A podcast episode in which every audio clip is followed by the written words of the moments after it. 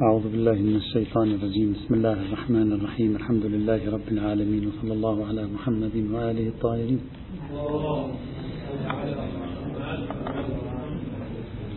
كنا تكلموا في القسم الأخير المرتبط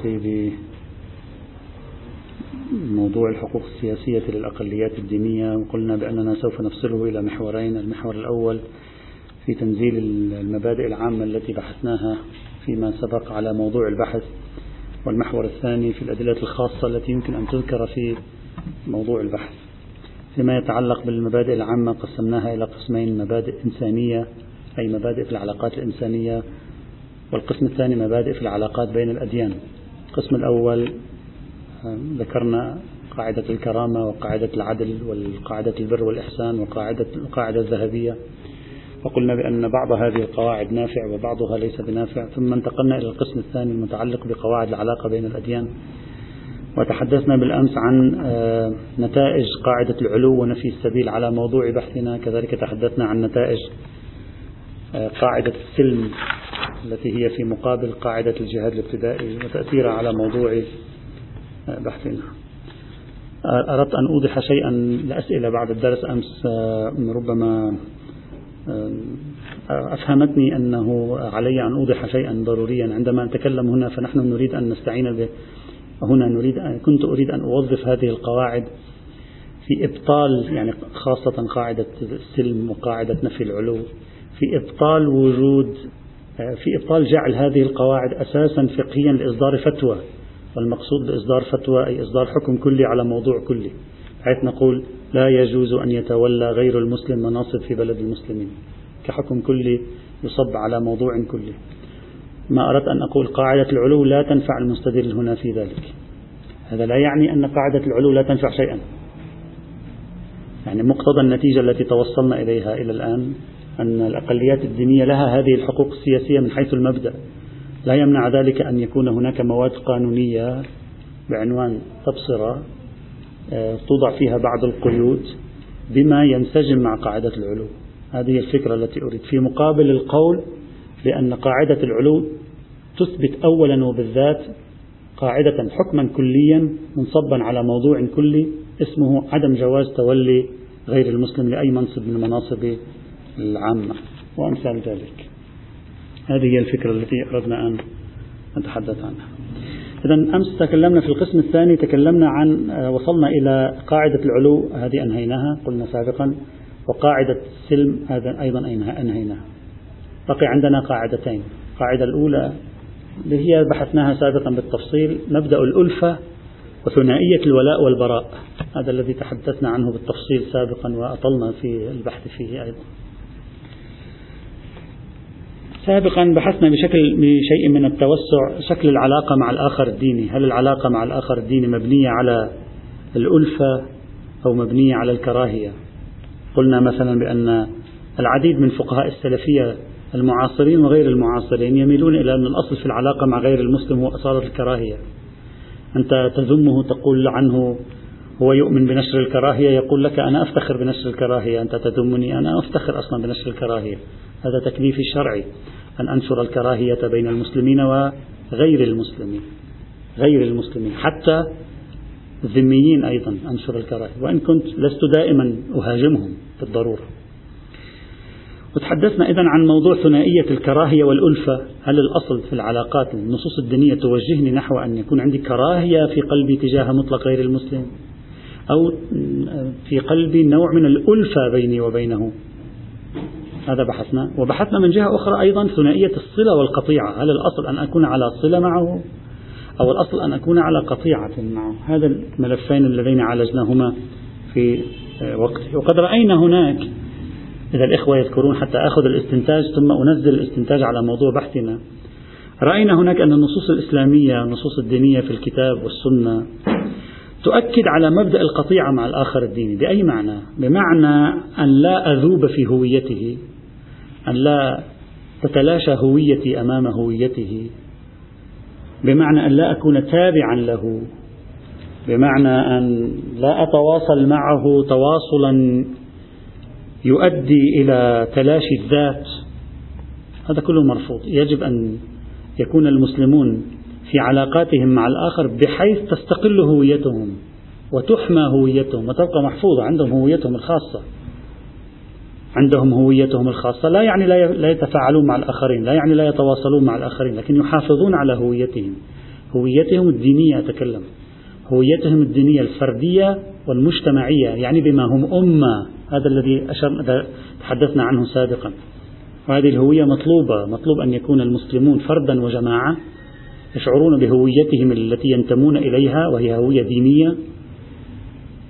وأي علاقة مع آخر ديني تؤدي إلى تلاشي هذه الهوية وانتهائها هذا مرفوض بل لابد من تكريس هذه الهوية وبقائها في مقابل الآخر.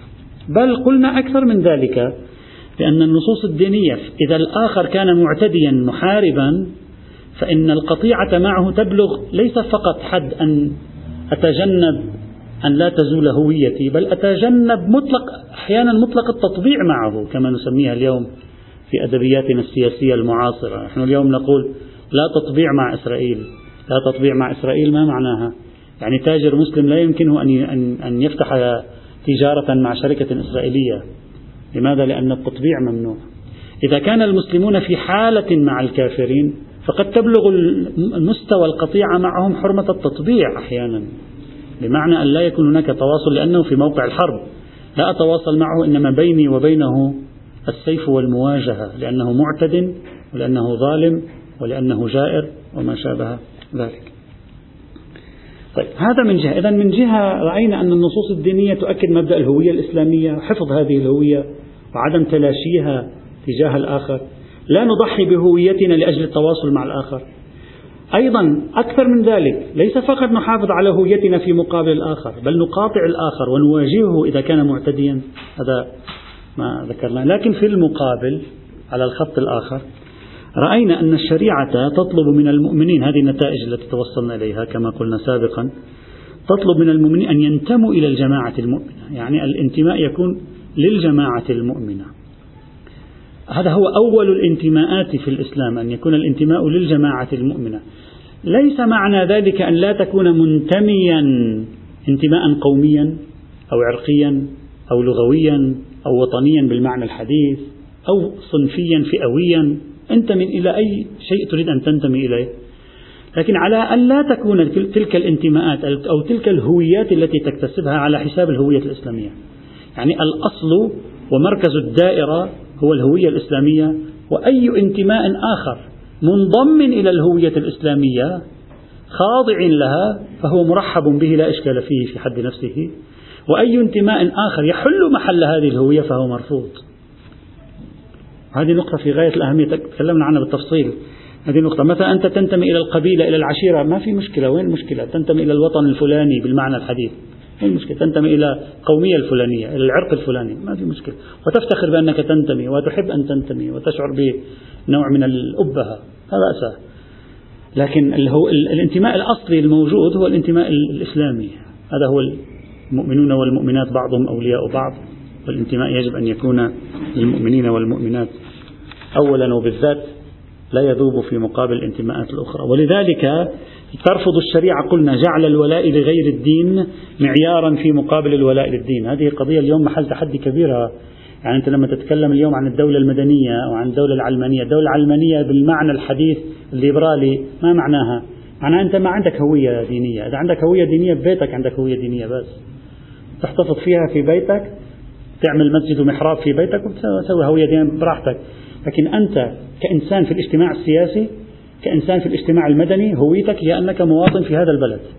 هذه هويتك. أنت لبناني أنت إيراني أنت عراقي أنت ألماني أنت تركي. هذا هذه هويتك. وعليها مدار كل الأشياء وعليها مدار علاقاتك السياسية والاجتماعية كل الترتيبات يكون عليها هذا المدار. هذا ما معلوم أن يكون موجودا في الشريعة بل المعلوم عدمه كما ذكرنا ذلك مفصلا سابقا. أنت في الأصل تنتمي للهوية الإسلامية. حتى لو أدى انتمائك للهوية الإسلامية إلى أن تكون يؤدي ذلك إلى نوع من التشظي الوطني. مش العداوة الوطنية. يعني نوع من أن تحافظ على هوية جماعتك ولو كان ذلك على حساب الوطن الذي بالمعنى الحديث أنت تعيش فيه. بمعنى من المعاني أقولها لا أقصد المعنى السلبي هذه الهوية مقدمة على الهويات الأخرى وهذا صراع كبير ما بين الدولة المدنية العلمانية بالمعنى الليبرالي الحديث وبين المجتمع الإسلامي. لا أقول الدولة الإسلامية فقط المجتمع الإسلامي أيضا هوية الاجتماع الإسلامي في دائرة حياته الاجتماعية السياسية وهذا تكلمنا عنه سابقا أيضا. وقلنا أيضا بأنه من الضروري أن ترصد شكل العلاقة مع الآخر بعد أن تكرست هذه الهوية. يعني في المرحلة الأولى كرسنا الهوية أعلنا المفاصلة لكم دينكم ولي دين أعلنا الحفاظ على هذه الهوية أعلنا معيارية هذه الهوية وعلى أساسها تبنى سائر الهويات وعلى أساسها تعرض عليها سائر الهويات فما وافقها فهو مقبول وما خالفها فهو مرفوض. بعد أن كرسنا الهوية الآن أنا الذي أحمل هذه الهوية المكرسة الثابتة كيف ألتقي مع المختلف معي من سائر الهويات الدينية والفكرية؟ قلنا الذي استنتجناه من النصوص القرآنية أن القرآن لا يدعو لأي كراهية مع الهويات الأخرى. أبدا. وذكرنا الأدلة على ذلك والقرآن والسنة. وقلنا إلا إذا الآخر مارس معنا شيئا من العدوان إذا كان معاديا نعم الإسلام يدعو إلى ضرب من الكراهية وإلى الغلظة وضرب من الشدة والغلظة في التعامل معه. بينا ذلك أيضا مفصل كل ذلك لا فرق فيه على المباني التي تقدمت بين المشرك وغير مشرك. أهل كتاب غير أهل كتاب مسلم مؤمن ملحد كله على نفس الوتيرة حسب ما ذكرنا سابقا. هذه كانت النتيجة التي توصلنا إليها في بحث موضوع الهوية الولاء والبراء. الألفة والكراهية. إذا الهوية إسلامية المعيار إسلامي الانتماء إسلامي مطلوب المحافظة عليه. في دائرة المحافظة عليه علاقة مع الآخر الأصل فيها ليس الكراهية وإنما الألفة. الآخر إذا كان عدوانيا الأصل فيه الكراهية. هذا هذا الذي فهمناه بعقولنا القاصرة. طيب الآن نريد أن نربط هذه الاستنتاجات التي توصلنا إليها في ذلك البحث سابقا قبل أشهر؟ بموضوعة البحث الآن وننزل تلك النتيجة على موضوع بحثنا. الآن الأقليات الدينية لا يوجد في مفاهيم حفظ الخصوصية ومفاهيم حفظ الهوية ومفهوم الولاء والبراء بالمعنى الذي ذكرناه سابقا. لا يوجد ما يفرض أولا وبالذات بالعنوان الأولي بنحو الفتوى بنحو وضع الحكم الكلي على الموضوع الكلي. سلب الحقوق السياسية عن هذه الأقليات. أنت إذا أعطيت هذه الأقليات بعضا من حقوقها السياسية شو بأثر على هويتك؟ وإذا كانت هذه الأقليات مسالمة ماذا يؤثر لا يؤثر على هويتك؟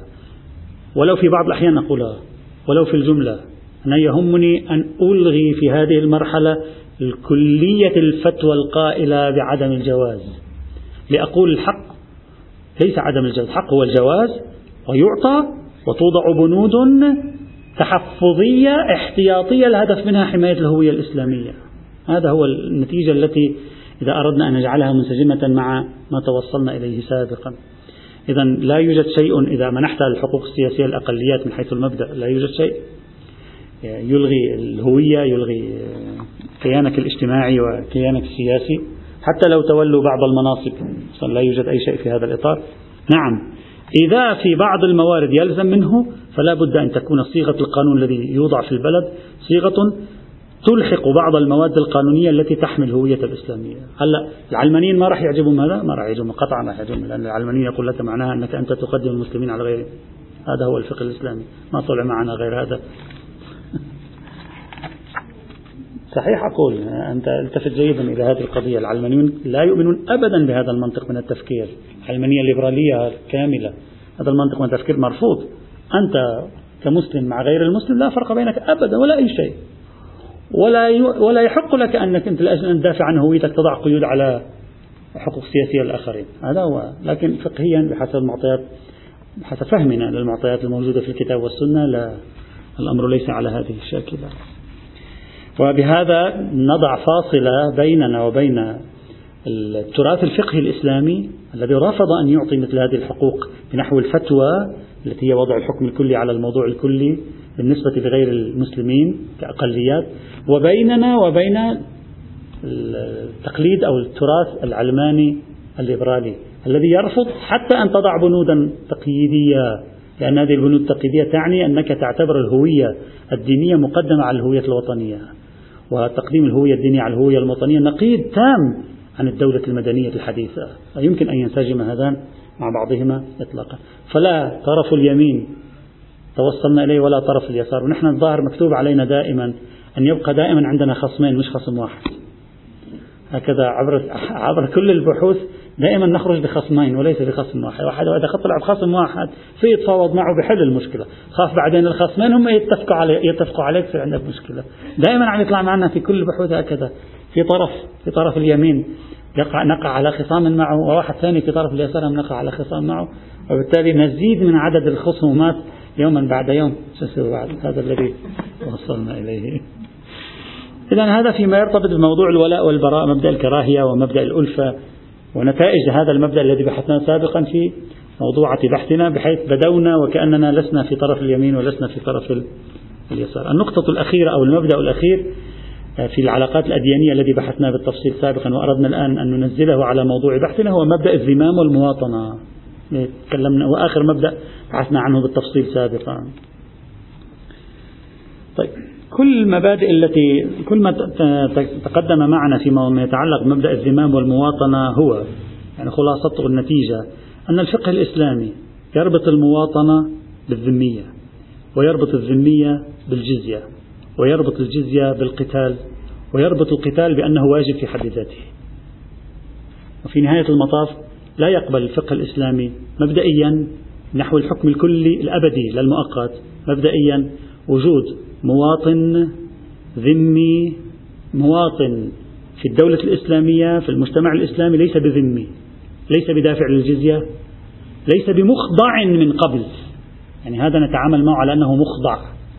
أقليات في أدبيات الفقه الإسلامي هي جماعات مخضعة بالمفهوم السياسي والعسكري. هي جماعات مخضعة نعم نتعامل معها بشكل جيد لكن هي في الأصل جماعات مخضعة. أخضعت إخضاعا لسلطة, لسلطة المسلمين. إن هذا هو الأصل فيها. نعم يوجد صلح لكن الصلح يجب أن يكون مؤقتا. الصلح يجب أن يكون مؤقتا في الفقه الإسلامي على ما هو الرأي المشهور ولا يمكن أن يكون أبديا دائما إطلاقا في هذا المجال. في مقابل هذا التفسير طبعا الآن هذا هذا التفسير سيضعك أمام تصور آه، ليس بسيطا للأقليات. يعني أنت الآن بعيون الإسلامية ترى الأقليات عبارة عن جماعات مخضعة. يعني أعداء مخضعين. بعد أن خضعوا ألزموا بالجزية. وبعد أن ألزموا بالجزية مطلوب أن يكونوا صاغرين. يعني الحالة التي هم فيها من الإخضاع تتطلب أن يكونوا صاغرين. كما جاء في النص القرآني وقرأنا ذلك. تصور معي هذه الصورة. ربما أقول كما قلت بالأمس الفقهاء الذين يمنعون أن يكون غير المسلم متوليا لمنصب في الدولة الإسلامية أو في مجتمع المسلمين الأفضل لهم أن يستدلوا بهذا المبدأ بدل أن يستدلوا بقاعدة العلو ونفي السبيل. لماذا؟ لأن هذا المبدأ يعطي أن هذا الذي هو غير مسلم دائما متلبس بالصغار. كيف يمكن أن يكون هذا متلبسا بالصغار؟ حتى وهو يدفع الجزية حتى وهو مهزوم إذا كان هو رئيس دولتك. إذا كان هو وزير. إذا كان هو لديه كل الحقوق السياسية وله النشاط والنفوذ السياسي كيف يمكن تتصور المفهومين؟ لا على, على أقول على مباني القوم يعني على المباني التي وصلوا إليها ينبغي أن يقولوا لا نستطيع أن نتصور مفهوم الصغار الملازم للجزية الملازم للذمية الملازم للإخضاع. مع مفهوم أن يتولوا المسؤوليات والمناصب ولهم الحقوق السياسية من الترشيح والانتخابات وصوتهم أحيانا بغير رئيس وبيجيب رئيس ويستطيعون أن يقرروا مصالح المسلمين ومصالح البلد وما شابه أي أي صغار هذا؟ حتى لو يدفع الجزية. دفع حالة دفع الجزية عن صغار انعدمت الآن. لم يعد لها وجود ربما يقال. فلعلهم يستندون إلى هذا. أقول هم لم يستندوا. أقول لعلهم إذا أرادوا فليضيفوا دليلا جديدا. لكن بناء على ما توصلنا إليه من أن مفهوم الصغار مربوط بالجزية ومفهوم الجزية مربوط بالمقاتلة ومفهوم المقاتلة مربوط بالدفاع. تغيرت كل النتيجة الفقهية. الجماعات التي تكون مواطنة في داخل الدولة الإسلامية ويصدق عليها عنوان الإخضاع والصغار هي الجماعات التي كانت قد قاتلت المسلمين بالقبل من قبل وعاقبها المسلمون بإخضاعها وإدخالها داخل جغرافيا المسلمين فصارت مخضعة. لا كل مواطن وبالتالي صار عندنا نوعين من المواطنين غير المسلمين. المواطن المخضع وهؤلاء الذين يترتب عليهم عنوان الصغار. والمواطن الذي تجنسه الدولة الإسلامية يندمج في حياة المسلمين كأي إنسان ينتقل في هذه الأرض ويقبل على أنه ساكن بإقامة دائمة ولا يوجد إشكال في ذلك ولم يكن قد قتلنا من قبل. وهذا لا في جزية ولا في صغار. ولا في قتال ولا في أي شيء ولا إخضاع وقلنا أيضا بأن مدة الجزية أيضا بيد الحاكم. مدة الجزية أيضا بيد لأن القرآن قال قاتلوهم حتى يعطوا الجزية ولم يقل حتى يعطوا الجزية إلى يوم القيامة. يجب أن يعطوا الجزية هذا الحكم إلهي يبقى إلى يوم القيامة. ولكن قاتلوهم حتى يعطوا الجزية. أما كم مرة يعطوا الجزية؟ سنة سنتين عشر سنوات؟ قلنا لا يوجد في النص القرآني شيء. فالحاكم إذا أخضعهم هو يشخص مصلحة يقول مثلا أنا أخضعهم هؤلاء عليهم أن يدفعوا الجزية تعويضات غرامات لمدة عشر سنوات عشرين سنة أربعين سنة خمسين سنة بعد ذلك انتهى الموضوع. بعد ذلك ينتهي الموضوع ويعودون إلى الوضع الطبيعي خارج إطار مفهوم الجزية الذي هو الملاصق لمفهوم الصغار وبالتالي يرتفع مفهوم الصغار بشكل أوتوماتيكي حينئذ إذا الصورة التي يخرج فيها الفقه الإسلامي في هذا الموضوع مختلفة تماما عن الصورة التي نخرج بها نحن اليوم. وبالتالي ممكن للمسلمين اليوم أن يقرروا بأن هذه الجزيات التي يفترض أن تكون مفروضة نقوم برفعها بما للسلطة الشرعية الإسلامية من صلاحية. نقوم برفعها. وما يستوطن من غير المسلمين بلاد المسلمين؟ لا لا ولا يكون معتديا من قبل. لا يوجد شيء اسمه إخضاع نظام جزية وما شابه خلاص هذا انتهى. يكون بالنسبة إليه ولا وجود له إطلاقا. هذه الفكرة التي توصلنا إليها.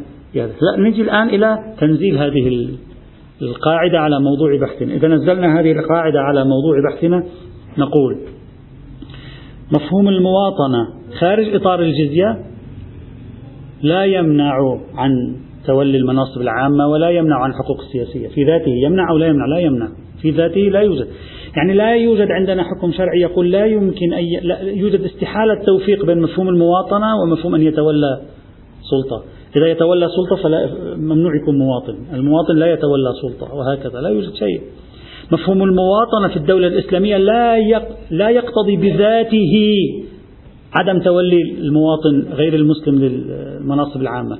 لا يقتضي بذاته عدم منحه الحقوق السياسية. أن يكون له نشاط سياسي أن يكون له نشاط حزبي أن يكون له نشاط انتخابي أن يكون له نشاط ولو كمعارضة مثلا. ضمن القواعد طبعا ضمن البنود ضمن القواعد التي تخضع لها المعارضة الإسلامية والمعارضة غير الإسلامية. أيضا مثلا في الفقه الإسلامي ما في شيء. إذا بناء عليه من النتيجة قواعد المواطنة والذمام لا تفرض أيضا سلب الحقوق السياسية. هي أيضا لا ولا تقول أعطوا الحقوق السياسية ساكتة سالبة. لا هي بالتي تعطي في حد ذاتها ولا هي بالتي تسلب في حد ذاتها شيئا. وبالتالي متساوية النسبة إلى الفرضيتين.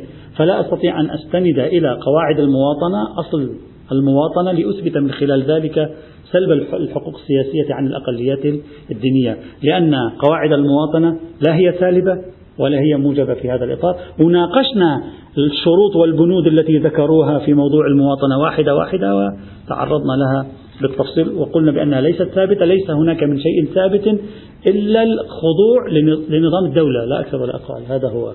وأما الجزية فهي خاصة بحال المعتدين كما قلنا سابقا. وعليه.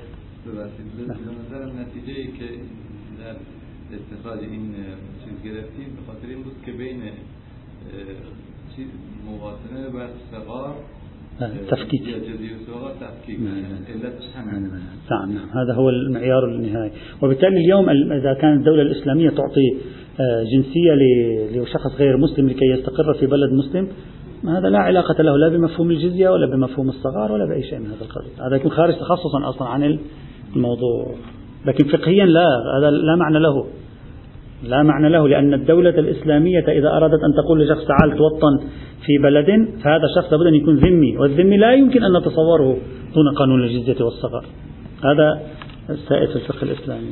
إذا النتيجة حتى الآن هي جميع القواعد جميع القواعد التي قررناها في القسم الأول والقسم الثاني القواعد الإنسانية والقواعد الأديانية جميع القواعد التي قررناها لا يوجد فيها قاعدة واحدة تنتج حكما كليا على موضوع كلي اسمه لا حقوق سياسية في الأقليات الدينية بما فيها حق تولي المناصب العامة.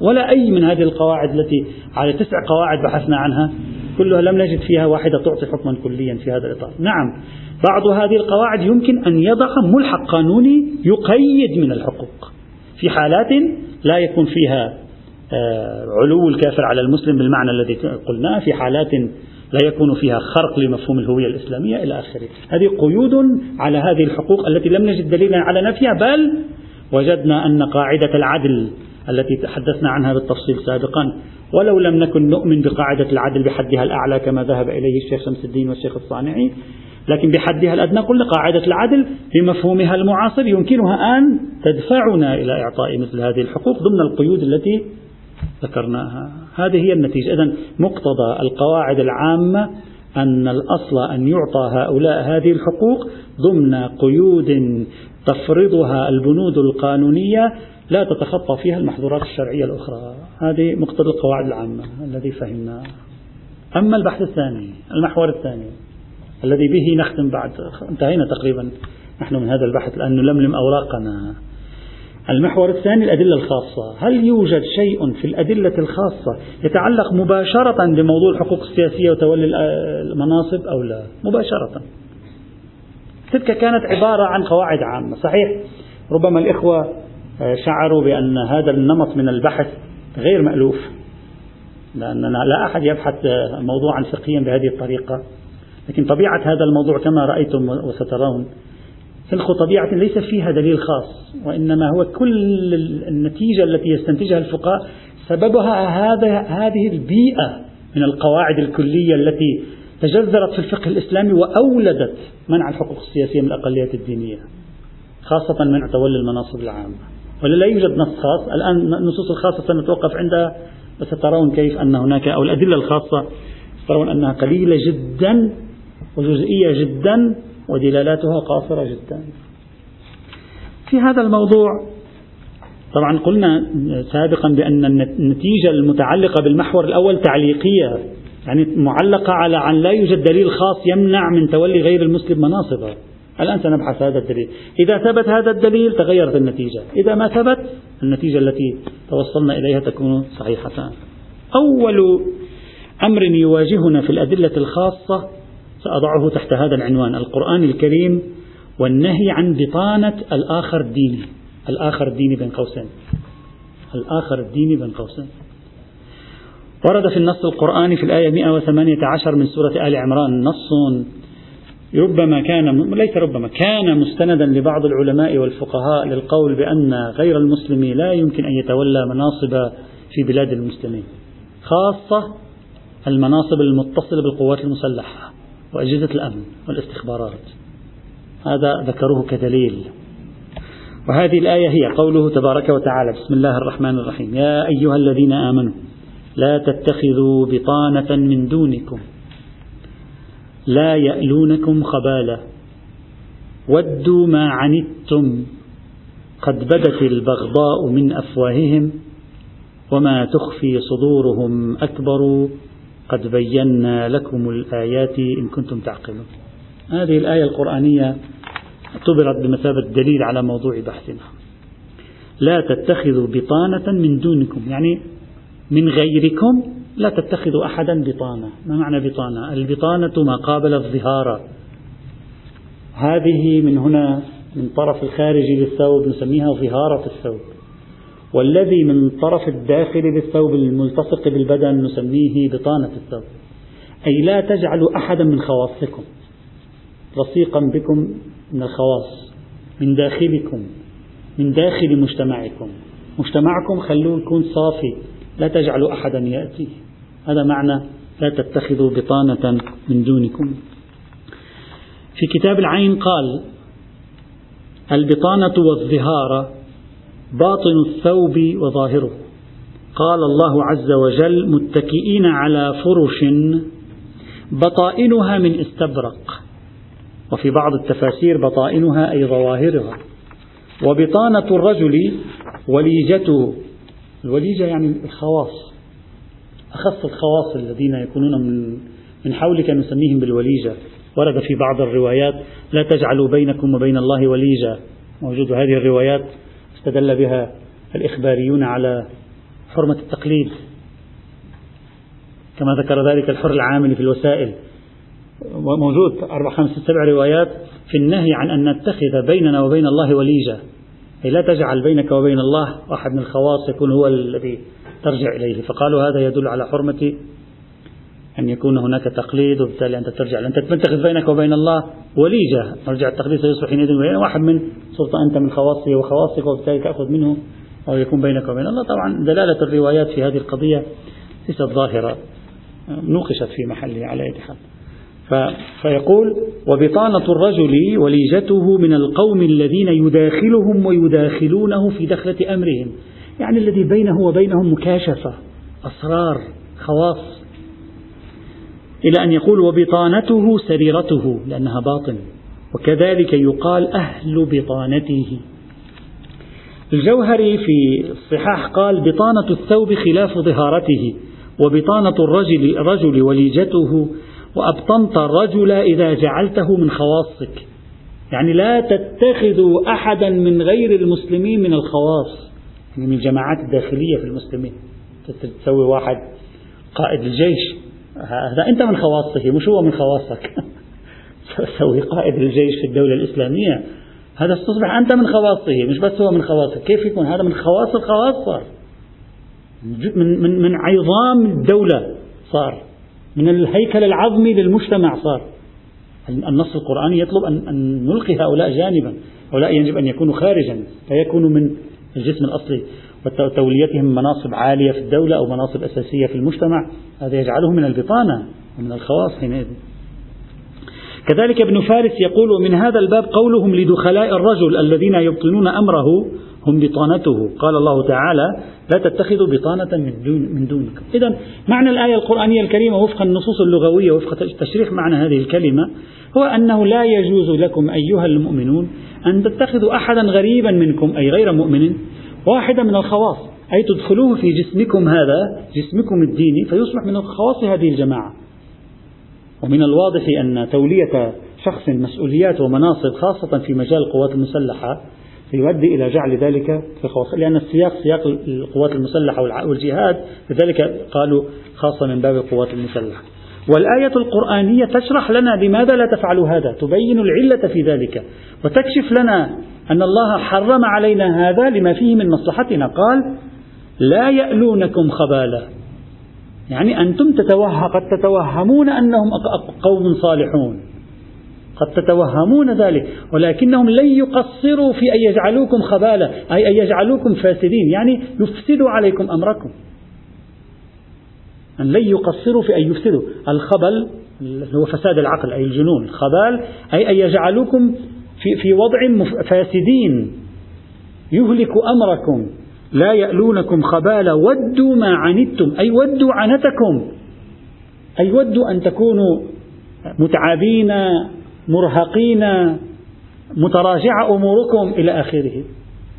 قد بدت البغضاء من أفواههم وما تخفي صدورهم أكبر. إذا الآية واضحة تقول لا تجعلوا واحد من غير المسلمين في الجسم الإداري لمجتمع المسلمين من خواص المسلمين وبالتالي الآية الصريحة برأي هؤلاء العلماء أو بعض الباحثين في أنها دالة على حرمة تولي غير المسلم بما في ذلك مطلق الآية مطلقة. لا يقول لم يقل معادي لم يقل محارب لم يقل من أهل الحرب لم يقل من أهل الذمة لم يقل من أهل العهد. مطلقا لا يجوز أن يسمح لهؤلاء بذلك. هذه الآية القرآنية التي يستند إليها في هذا المجال. هذه الآية يجب أن نتوقف عندها قليلا لنحاول أن نتأمل ونحلل في دلالات هذه الآية القرآنية. هل قيود هذه الآية؟ هل الذيل في هذه الآية قيود الحكم؟ أو الذيل في هذه الآية علة الحكم المطلق؟ يعني عندما يقول القرآن لا تتخذ بطانة من دونك لأن هذه البطانة لا تألوك خبالا و و وإلى آخره. فهل هذا الذيل تعليل للحكم المطلق لعدم جواز أخذ البطانة مطلقا؟ أو هذا الذيل يقيد النهي في لا تتخذوا بطانة من دونكم ليكون النهي عن اتخاذ بطانة سنخ بطانة هذه حالها. سنخ بطانة تلحق بكم الضرر. سنخ بطانة آه، يعني تفسد عليكم حياتكم. هذا هو لب البحث في هذه الآية القرآنية الكريمة وأنه ما المراد بها؟ وحيثية تعليلية لا تؤدي إلى تقييد الحكم إطلاقا يعني لا يدور الحكم مدارها. هذا المهم لأنك إذا قلت حيثية تعليلية قد تكون تعليلية يدور الحكم مدارها وبالتالي يمكن أن يكون الحكم ملغيا إذا كانت هذه الحيثية التعليلية غير موجودة. نحن نريد لكي يتم الاستدلال أن تكون هذه بنحو الحيثية التعليلية التي هي تعليل للحكم المطلق. التي هي تعليل للحكم تماما مثل القرآن الكريم لما حكم بحرمة الخمر.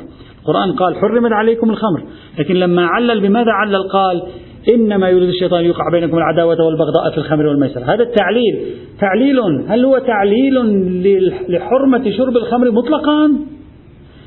إذا كان كذلك ثبت حرمة شرب الخمر مطلقا. أما إذا كان إذا كان حيثية تعليلية لحرمة شرب الخمر بحيث يدور تدور الحرمة مدار هذا التعليل لا. حينئذ قد يقول لك شخص إذا شربنا مقدارا بسيطا ورتبنا الأمور لا عداوة ولا بغضاء في محبة ومؤانسة أيضا.